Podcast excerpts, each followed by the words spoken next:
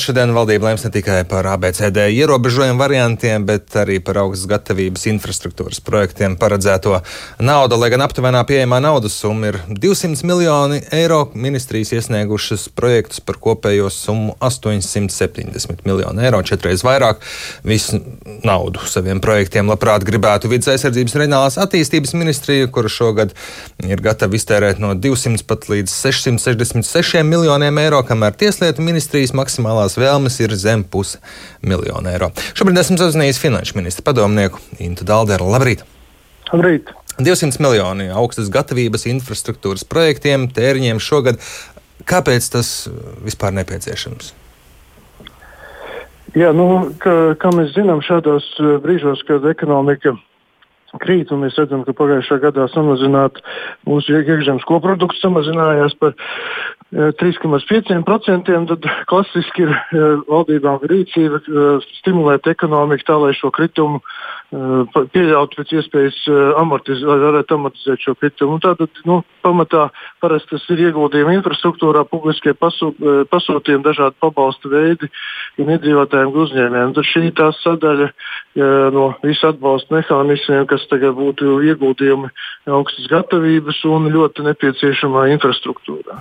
Fiskālās disciplīnas padoma gan saka, ka būvniecības nozara nav novērāta tā, tāda būtiska krīze dēļ Covid-19 un ka varbūt nevajag atbalstīt nozari, kur nav cietusi.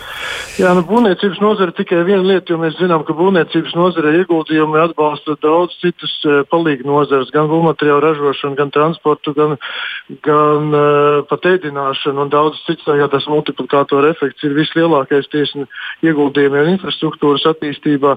Pašā būvniecības nozarē kritums ir varbūt bijis mazāks, bet mēs konsultējamies ar būvniecības nozares tirgus ekspertiem, aicājot par viņu jaudu noslodzi gan ceļu būvē, gan gan arī kapitālā būvniecībā redzējām, ka šī brīdī pārkaršana nedraud šajā, īpaši šajā gadā, kas varbūt iespējams varētu būt gaidāms pēc diviem, trim gadiem, kad būs pieejami ļoti lieli līdzekļi no Eiropas dažādiem finansējuma avotiem. Tā Kāds ir šīs naudas mērķis?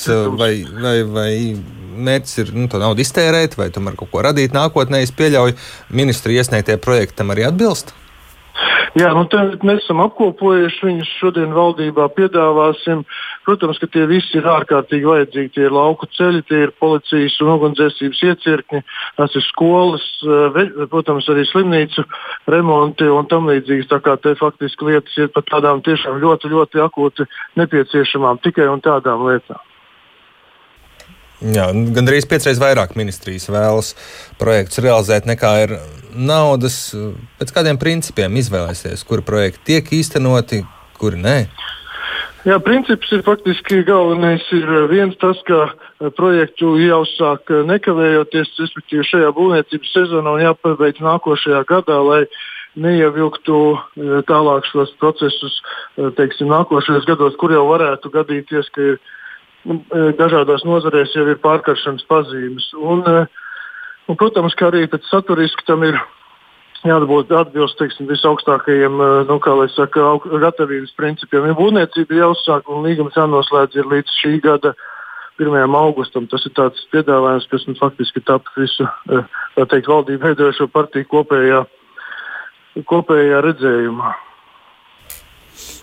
Mm, šajā izvērtējumā, cik svarīgs pats projekts, cik svarīga ministrija, kuras pāraudzībā tas ir, lai politiski godīgi sadalās koalīcijā?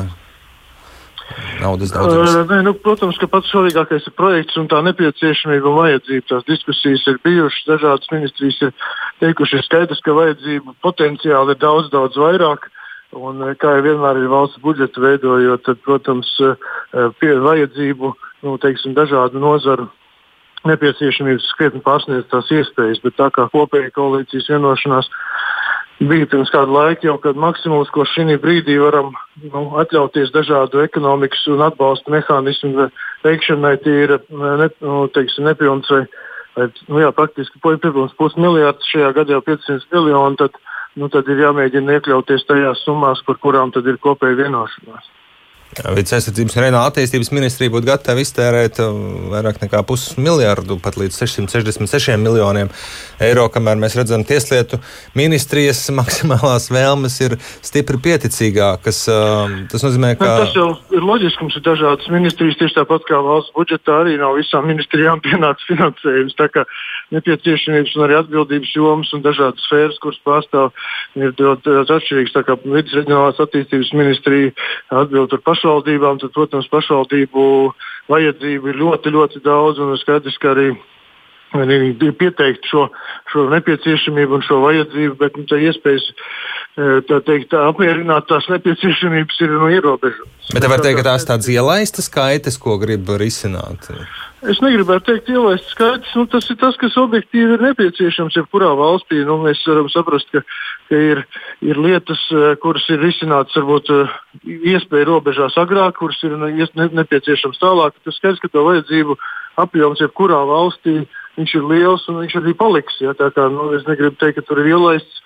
Jautājums ir par to, kas ir prioritārāks kurā brīdī. Ja? Nu, tad, kad ziņā valdība vienmēr skatās Eh, kas kurā momentā ir mums šobrīd ir svarīgākais risināt tās lietas, kas ir šajā saistītas tieši ar pandēmiju, tā ir veselības nozarē ieguldījumi un, un arī ceļos, eh, piemēram, eh, iekšlietu struktūrās, kas ir tās pirmajās rindās tieši nu, saistībā un cīnoties ar, šiem, ar šo situāciju. Tas ir liekas, viens svarīgs aspekts, kas šobrīd būtu jāņem vērā. Pašvaldību projekti ir svarīgi, bet mēs zinām, ka, ka ir tagad piešķirti aizņemšanās iespējas valsts kasē papildus 150 miljonu nesen arī pagājušajā gadā bija. Tā kā pašvaldībām iespējas realizēt savas uh, vajadzības ir paplašinātas jau, jau šī brīdī. Kā, nu, es domāju, ka šī gadījumā pašvaldību projekti nebūs tie augstākā prioritāte valdībai.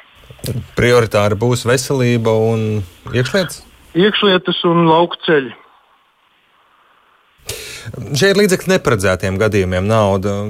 Kāda vispār ir situācija ar šo speciālo budžeta sadaļu? Tā ir bezizmēra, brīžiem tā sāk šķist. Nē, protams, bezizmēra šādi līdzekļi nav un nevar būt.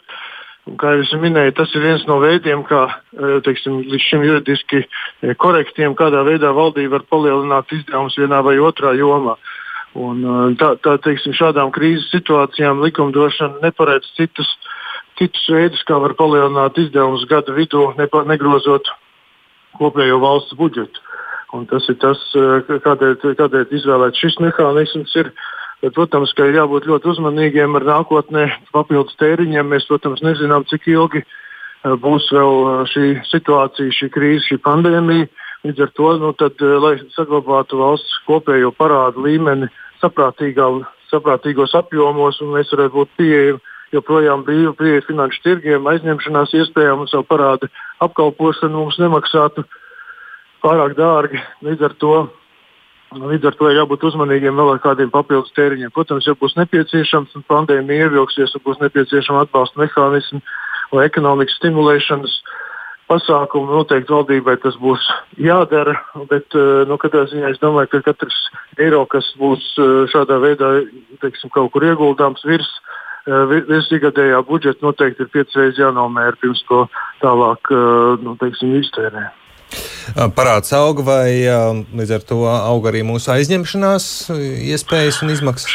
Šobrīd, šobrīd ir situācija laba. Pēdējās aizņemšanās reizes iekšējā tirgu parādu zīmēm ir projām negatīva likme kas norāda to, ka, ka finanšu tirgu Latvijas finanšu budžetu un finanšu sistēmai uzticās. Uh, Latvijas valsts budžetu spējai sevi nodrošināt, bet uh, mēs zinām, ka uh, tā kā ir citu valstu pieredze, tad tas uh, brīdis var pienākt ļoti salīdzinoši strauji, ja mēs turpinām tiešām neprognozēti kāpināt savus izdevumus. Tādēļ nu, es domāju, ir jābūt piesardzīgiem. Šobrīd pagājušajā gadā mūsu ārējais parāds ir pieaudzis par 10%.